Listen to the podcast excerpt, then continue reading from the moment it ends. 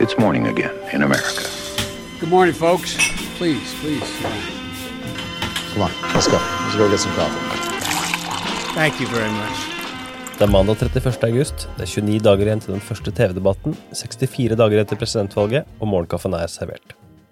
Aller først, tirsdag reiser Donald Trump til Kenosha, Wisconsin for å diskutere den anspente situasjonen i byen etter at Jacob Blake ble skutt sju ganger av politiet. Trump har hele tiden mant til law and order, men har vært sparsom med å uttale seg om Blake-skytingen. Joe Biden velger derimot å holde seg unna Kenosha. Det har gått rykter om at den tidligere visepresidenten skulle besøke byen i dag, men kilder nær kampanjen hans mener at Trumps planlagte besøk kan slå tilbake mot presidenten. Dagens første sak, hva sier velgerne etter to landsmøterunder? Donald Trumps favorability-tall har blitt stående på stedet hvil i etterkant av republikanernes landsmøte, ifølge en ABC News Ipsos-måling. Håndteringen av koronasituasjonen er også fremdeles dyster lesning for presidenten. For Joe Biden ser tallene litt lystere ut. Målingen viser at det er 31 som har et positivt syn på presidenten etter at han avsluttet republikanernes landsmøte på torsdag. En tilsvarende måling ble utført like etter demokratenes landsmøte, og da var fasit 32% på samme spørsmål. Blant republikanerne falt presidenten fire poeng mellom målingene. Bidens favorability-tall ble målt til 45% forrige uke, og har endret dette marginalt til 46% nå. Altså ingen tydelig landsmøtebyks i disse tallene.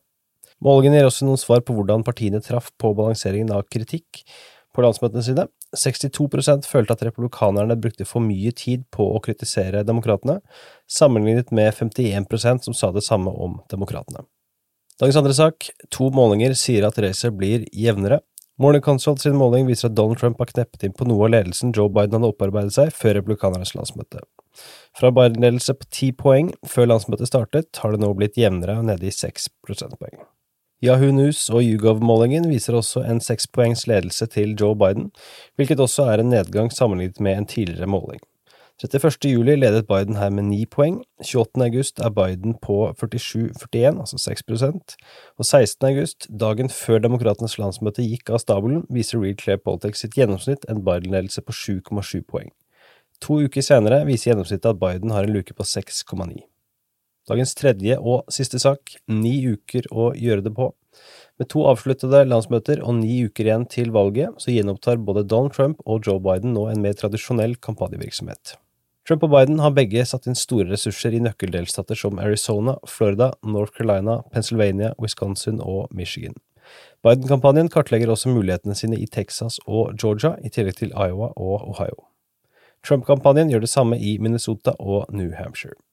Fredag, dagen etter at republikanernes landsmøte ble avsluttet, holdt Trump et rally i New Hampshire, mens Mike Pence gjorde et tilsvarende opplegg i Minnesota og Michigan.